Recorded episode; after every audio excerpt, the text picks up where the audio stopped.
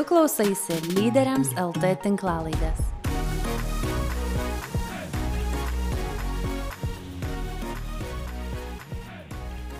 Sveikas bičiuli, esame asmeninio tobulėjimo temoje. Pasaulinės lyderystės konferencijoje dažnai naudojama frazė, jog kai lyderis tobulėja, laimi visi. Ir tai tikrai yra visiška tiesa, nes visų pirmiausia laimi pats lyderis. Jis pradeda pastebėti daugiau, suprasti daugiau, pastebėti savo organizacijų ar bendruomeniai reiškinius, kurių anksčiau nematydavo. Žodžiu, jis tampa geresniu lyderiu, o nuo to tikrai visų pirmiausia laimi jisai pats. Žodžiu, daug gerų dalykų laukia lyderio, kuris investuoja į savo augimą. Ir praėjusią kartą daugiau koncentravomės į augimą organizacijose, kaip įmonės į tai investuoja, ar turėtų investuoti ir kokiais principais turėtų pasirinkti, kurias temas Žodžiu, tikrai labai įdomi tema, jeigu sudominau, grįžk ir pasiklausyk. O tęsiant asmeninio augimo temą ir apstai tobulėjimo temą, noriu paliesti ir keletą kitų tobulėjimo aspektų. Ir tikrai jau pats net nekantrauju daug sužinoti ir išgirsti, nes šiandien mano pašnekovė yra LCC tarptautinio universiteto dėstytoja, šeimų psichologė, porų palidėtoja link santokos Julija Gaiduk. Labas, Julija. Labas, Daudai. Tikrai labai smagu tave, čia kaip yra tas full house'as, tai dabar jau, kai tave turiu, tai visą, nu ne visą šeimą, bet visą ir Romaną turėjau tavo vyrą ir dabar tave, tave tai labai labai dėl to džiaugiuosi. Tai su Romanu beje vienas geriausių podcastų gavosi, tai net nebejoju, kad su tavim bus dar geresnis. Bet šiek tiek noriu pradėti nuo, nuo toliau. Ir pasaulinio lyderystės konferencijos kontekste mes dažnai lyderystę tokia paimam ganėtinai plačiai ir, pavyzdžiui, tėti, mamą mes irgi prilyginam kaip lyderiui, sakom, kad tikrai tėtis ar, ar mama turėtų tobulėti kaip lyderis. Yra tam tikri principai lyderystės, kurie galioja ir šeimoje. Kadangi tu su šeimom daug susiduri, tiek iš vienos, tiek iš, iš kitos pusės palidėdama, konsultuodama, kaip tu pati matai tėvystę, motinystę iš lyderystės perspektyvos, ar tikrai ten galioja tie principai ir, ir, ir pasidalink plačiau. Aš manau, kad tėvai turi didžiulę valdžią ir didžiulį poveikį vaikams. O valdžia ir poveikis tai yra lyderystės elementai, kiek aš suprantu. Ir taip, kartais ne visi mes esam labai geri lyderiai, bet visi esam savo vaikams lyderiais, lyderiai. Nes Ir, ir dėl to turim bandyti tą poveikį, tą valdžią išnaudoti teisingai, kad jiem padėti, kad vaikam padėti aukti. Aš tikiu, kad neužtenka tik mylėti vaikus, reikia taip pat, mokėti tą valdžią naudoti į naudą.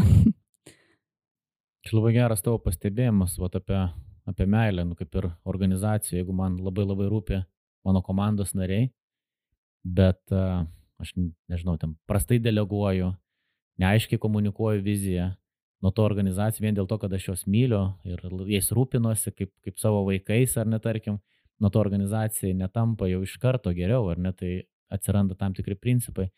Ir tu kadangi susiduri su šeimom ir kurios eina per, per tam tikrus išbandymus, per, per, per krizės, yra toli paėję, ar ką tu apsitai va, šeimose pastebi iš tos tokios tendencijos, kur dažniausiai mes kaip sutoktiniai, uh, žodžiu, sakyti, susifeilinam, bet, nu, žodžiu, susidurėm su, su problemom, kur mes kažką neteisingai darom. Man atrodo, geriems santykiams, ypač vyro ir žmonos, geriems santykiams reikalinga empatija, atjauta. Bet labai sunku tą atjautą rodyti arba reikšti, jeigu tau pačiam skauda. Dėl to, man atrodo, daugiausia problemų ateina iš mūsų pačių skausmo, kuris yra neišgyventas, neišgydytas. Ir tada mes negalim kitam atjausti. O kitas žmogus irgi skausme yra. Tai du tokie žmonės, kuriems abiems skauda ir kurie neturi resurso vienas kitam atjausti. Man atrodo, tai yra labai didelė problema. Ir tai yra šaknys daug problemų. Aš kaip tik dabar, va, prieš mūsų pokalbį, grįžau, turėjau susitikimą su moksleiviais čia Klaipėdoje. Ir va, tai, tai, kad tu sakai, irgi va, buvo, pavyzdžiui, klausimas toks vienas, savo, kaip išmokti su kritika susidoroti, kai kas nors iš savo artimų žmonių tave kritikuoja. Ir, ir aišku, ten daug tu gali patarimų, bet aš sakau, nu, bet kokiu atveju tu gali labai labai daug išmokti ir, ir nuo tavęs labai daug, nu kiek tu priemi tos kritikos, kiek tu, kaip tu susidoroji, tai va tai, ką tu sakai, ar ne, va tas toksai uh, empatija vienas kitam, bet kai tu pats esi be galo įskaudinęs nuo tavęs jau labai daug gali prasidėti arba prie tavęs labai daug gali pas, pasibaigti, ar ne? Kaip tu pastebi, vat, nu ta tokia vyras ir žmona, ar galima tapti geresnių vyrų ir žmona ir, ir kas tokio turėtų vykti šeimoje, kad mes galėtume sakyti, kad mes kaip vyras, kaip žmona, mes tobulėjam, mes augam, bet net ne šiaip, kad ten, nežinau, kokią kompetenciją augdom, bet pati ta vat, vyro kompetencija ir žmonos kompetencija. Kaip ją auginti? Man atrodo, visų pirma, vėlgi reikia iš, išsigydyti pačiam. Reikia savo skausmus susijusius su santykiais išgydyti. Su Dievo pagalba, pagalba su psichologo pagalba. Labiausiai, geriausia abiejų pagalba pasitelkti. Jo, o po to skirti labai daug laiko vienas kitam tam, kad suprasti vienas kitą, tam, kad galėtum išreikšti empatiją ir turėti atjautą, kad žinotum, kas tavo vyrui ir tavo žmonai skauda, kur skauda, kur galbūt gerai pagydyti, o ne krapštyti tos žaizdos. Jo laikas, man atrodo, labai svarbus yra laikas ir bendravimas kartu, bendra, bendrauti, atvirumas vienas su kitu. Ir tada santykėje mes ir augam ir tobulėjam, man atrodo, geriausiai santykiuose. Kaip su Dievu mes santykiai to tobulėjam, taip ir su žmogum santykis yra tobulėjimo kontekstas. Atrodo tiek nedaug, ar ne, bet aš įsivaizduoju, pas tavęs ateina šeimos, kurios labai toli pažengusios nesikalbėjome, ar ne, ir tame, mm. tame santykio nebuvime. Ar, nu tarkim, ar ne, nes mes kadangi kalbam ir, ir kiekvienas bandom pritaikyti savo kontekste, ar ne, ir čia mes palėtėm šeimą kaip tam tikrą darinį, organizaciją, ne, bet tie principai labai panašus būna, Vat, man patikdavo tavo vyras Romanas, jis visada ugdydamas įmonės labai daug pavyzdžių duodavo per šeimą, labai lengvai sus, sus, supranta, bet, bet, pavyzdžiui, jeigu jau tie santykiai toli paėję neteisinga linkme, yra sėkmės istorijų, kad uh, vis dėlto galima grįžti į normalius sveikus santykius, iš, iš krizės išlipti? Yra. Nelabai daug. E, jeigu yra noro, jeigu žmogus, abu žmonės nori ir abu žmonės yra pasirengę priimti, pamatyti savo skausmą, nes ne visiems tai sekasi gerai, ne visiems lengva ir ne visiems, visiems nelengva, bet ne visiems išeina tą skausmą savo priimti, pasakyti, va čia man skauda ir dėl to aš taip reaguoju. Bet jeigu abu nori ir investuoja į tai ir dirba su savo santykiais, tai kaip ir, kaip ir su sodu. Ar yra įmanoma kažką užauginti? Ne, būna Izraeliai visai nėra žemės, bet ten augina. Labai daug įdeda pastangų į tą auginimą, nes ten yra dikuma. Bet vis tiek kažkas auga. Taip pat ir šeimos dikuma gali tapti sodu, bet reikia žiauriai daug darbo. Nu, man patinka tas tavo, jau ke, kelintą kartą tu pa, pa, panaudoji tą, kad reikia pastangų įdėti, reikia darbo mhm. įdėti. Čia lygiai taip pat grįžtant prie šiandien mano pokalbio su jaunai žmonėmis, mes palėtėm labai daug skirtingų temų, bet aš po to pajutau, kad beveik viską aš atsakau, kad a, pakeisti galima, bet reikia įdėti pastangų. Mhm. Atsitiktinai vyksta kaip taisyklė dalykai, kurių a, arba mes nesitikim, arba mes nenorim. Tų dalykų, kurių mes norim, reikia, reikia pastangų. Ir vat, santykis ar ne, ir, ir bendravimas, santykis ir, ir noras abipusis būti būt kartu yra, atrodo, tie kertiniai dalykai, ar ne? Taip, jau, ir darbas. Nu, pikdžiolės natūraliai auga. jo, pikdžiolės. Reikia ravėtės. Tai čia mes palėtėm uh, vyras, žmona. Bet netikėtai taip atsitinka, kad plėtra įvyksta, organizacija auga, džiaugs, džiaugsmingai atsiranda vaikai ir, ir vat, vėl jūsų asmeninis pavyzdys, iš tikrųjų, aš iki, iki šiol stebiuosi, stebiuosi ir džiaugiuosi, Romanas turbūt buvo vienintelis žmogus, nu, arba pirmasis žmogus, kuris sako, oi, Doldai, sako, ten, kai antro laukiame, sako, su antru, su antru lengviau, po su trečiu dar lengviau, žodžiu, to, kaip tuo toliau, tai lengviau. Nežinau, ar tai tiesa, bet uh, aš žiūriu, kad jūs vis tiek išliekat gražiam santykiai, jūs uh, kaip sutoktiniai uh, ne, neužleidot sa, savo va, to santykio, dalis jūsų vaikų jau užaugę, kuria savo gyvenimą. Pasidalink, ką jūs tokio darot, kad vaikai, nu negalim sakyti, nesugriovė jūsų santykių, bet nu, daug vaikų jūs turite, ar ne? Ir kaip jūs sugebėjot suvaldyti tas įtampas, kurios kyla tarp dėmesio paskirstimo savo sutoktiniu ir dėmesio paskirstimo vaikam? Aš vis laik sakau, labai daug darbo ir truputį, truputį stebuklo. mes daug investuojam į santykiai, mes leidžiam laiką kartu. Pas mus mes manom, kad mūsų santykis yra svarbiausias dalykas mūsų šeimoje. Ir vaikams bus gerai, jeigu mes turėsim gerą santykį. Jeigu mes turėsim blogą santykį, kokį santykį bet turėtumėm su vaikais, vis tiek jiems bus blogai. Tai dėl mes ant tokio pamato ir statom santykius. Vaikai užauks, jiems 18 metų jie išeis, o man su to, su to vyru dar gyventi ir gyventi. Toliau. Ir jeigu bus tik tai viskas apie vaikus, tai ką aš su juo darysiu, kai jie išeis kaip, kas, ką mes turėsim bendro, tik tai užaugintus vaikus, tai dėl to mes labai stengiamės skirti laiką, jau einame pasimatymus, labai daug pastangų įdedam į tai, kad būtų pasimatymas, kad įvyktų. Mm, labai gerbiu savo vyrą už tai, kad jis prioritizuoja mūsų santyki ir jis galėtų, pavyzdžiui, dirbti ir nusidirbti ir dirbti naktim, dienom ir atostogų neturėti, bet jis pasirenka nors galėtų to nedaryti, jis pasirenka prioritizuoti šeimą ir leisti laiką su manim, su vaikais. Ir tai, man atrodo, labai yra svarbu ir daug kainuoja ir aš labai gerbiu jų už tai. Čia keletas galbūt svarbių netgi dalykų, ką tu paminėjai, tai čia tikrai vienas iš tų turbūt kertinių, tai va tas prioritet, prioritetus nusistatymas. Čia aš galvoju, kad bendrai, va, kadangi mes esame toj tobulėjimo temui, neturbūt visko negali apriepti, visko negali padaryti, nu vis tiek yra ribos, limitai, bet kažkas turi būti svarbiausia, tie akmenys tavo dienoje, mm. akmenys tavo savaitai. Ir mat, kai mes kalbam apie santykius, man labai gražu girdėti, ką tu sakai, kad kadangi aš ir tave pažįstu, ir tavo vyrą pažįstu, man atrodo, jūs abu galėtumėt darbe praleisti ilgiau negu dabar praleidžiat, bet pasirenkat sąmoningai ar ne, mhm. daryti šiek tiek kitaip, ne, ne pagal savo ten norus, bet taip, kaip atrodo teisingiausia ir tai galiausiai duoda rezultatą.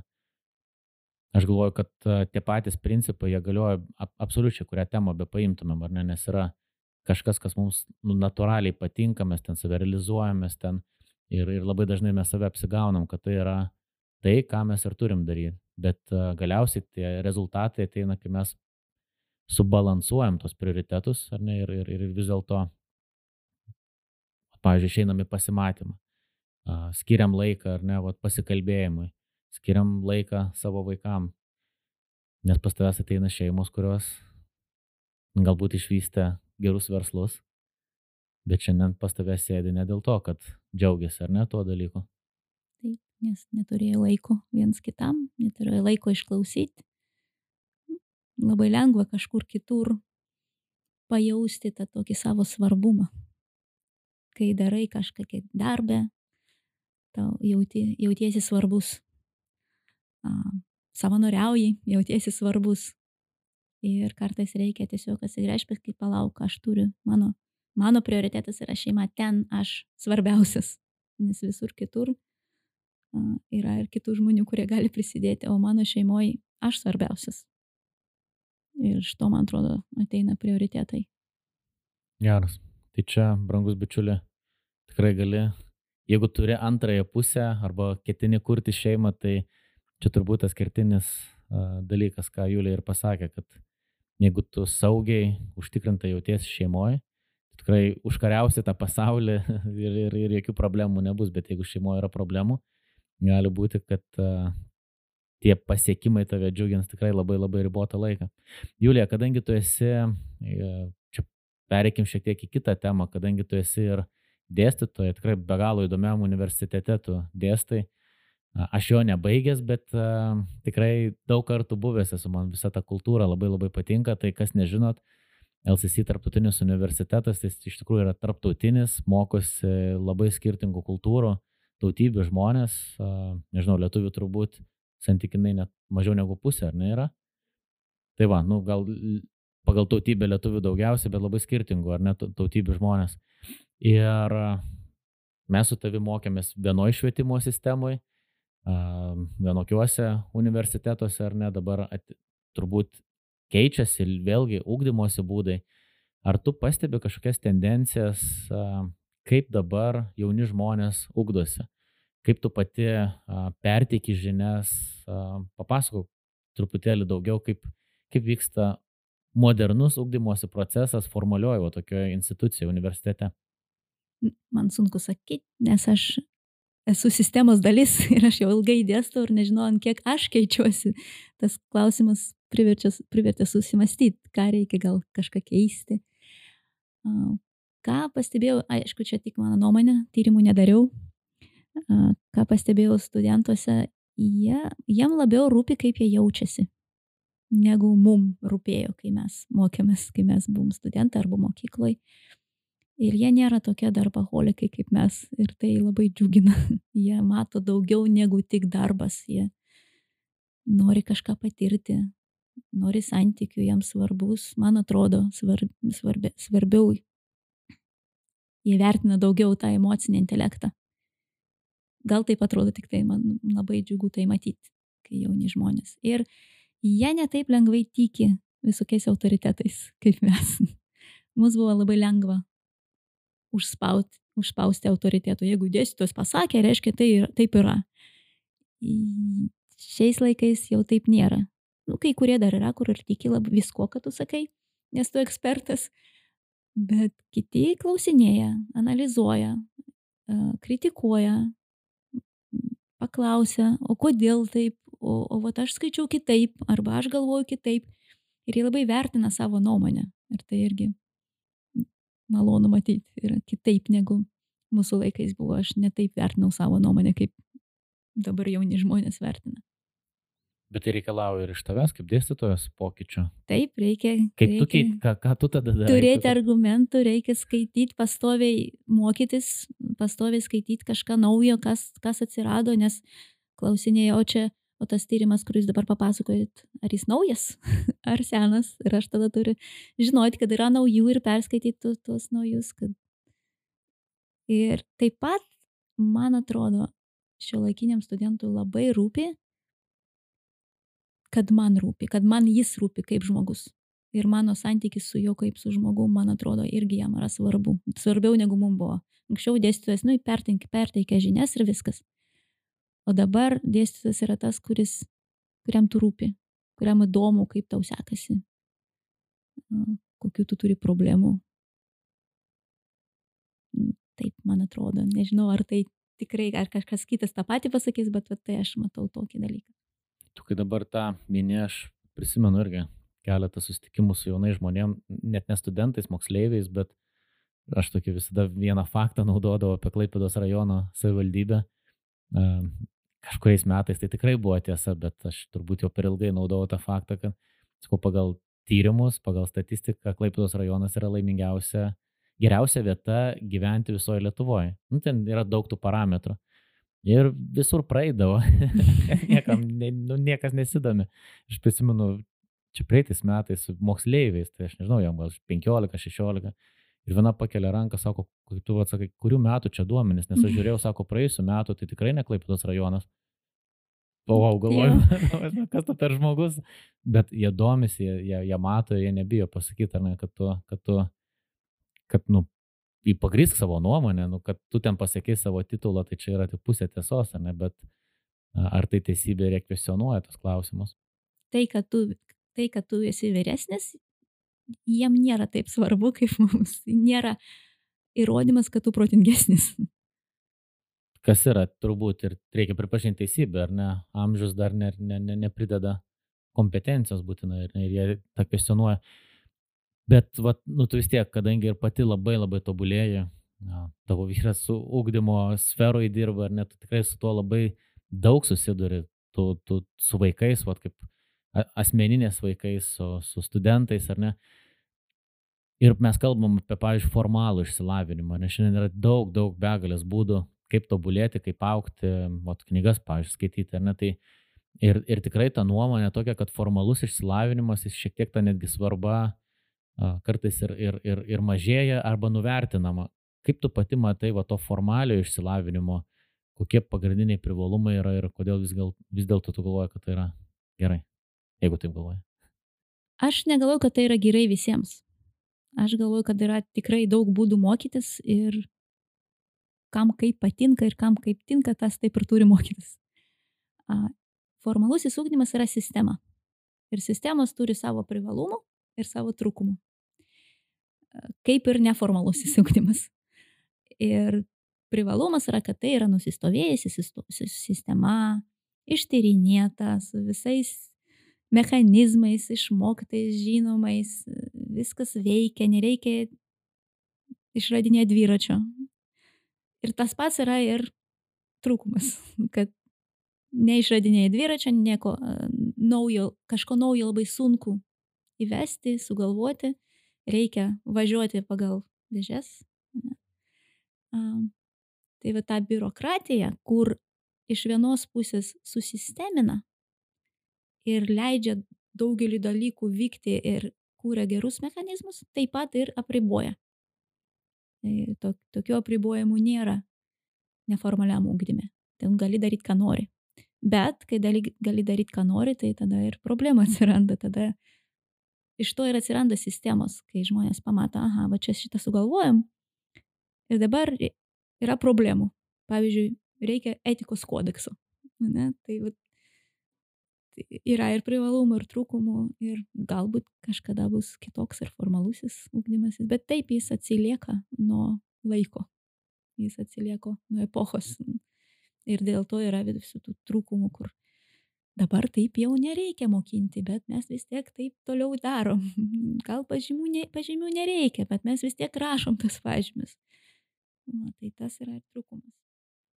Jis vis tiek būdamas sistemui, tu ne vien nuo savęs priklausai, dar, vat, nu, ten visa bendra švietimo sistema, ar net ten ministerija yra, tada tik aukštoji mokykla, kur irgi gali būti, ar ne, ir tada dėstytojas, ar ne, sakykime, tas jau praktinis ligmo, kuris įgyvendina, tai labai daug dar virš yra, o tų sistemų, kurios, kurios tikrai, va, kaip tu sakai, gali būti, kad turi būti labai labai lankščios ir inovatyvios, kad neatsiliktų nuo laikmečio, čia tiesiog užprogramuota, turbūt šiek tiek yra atsilikti.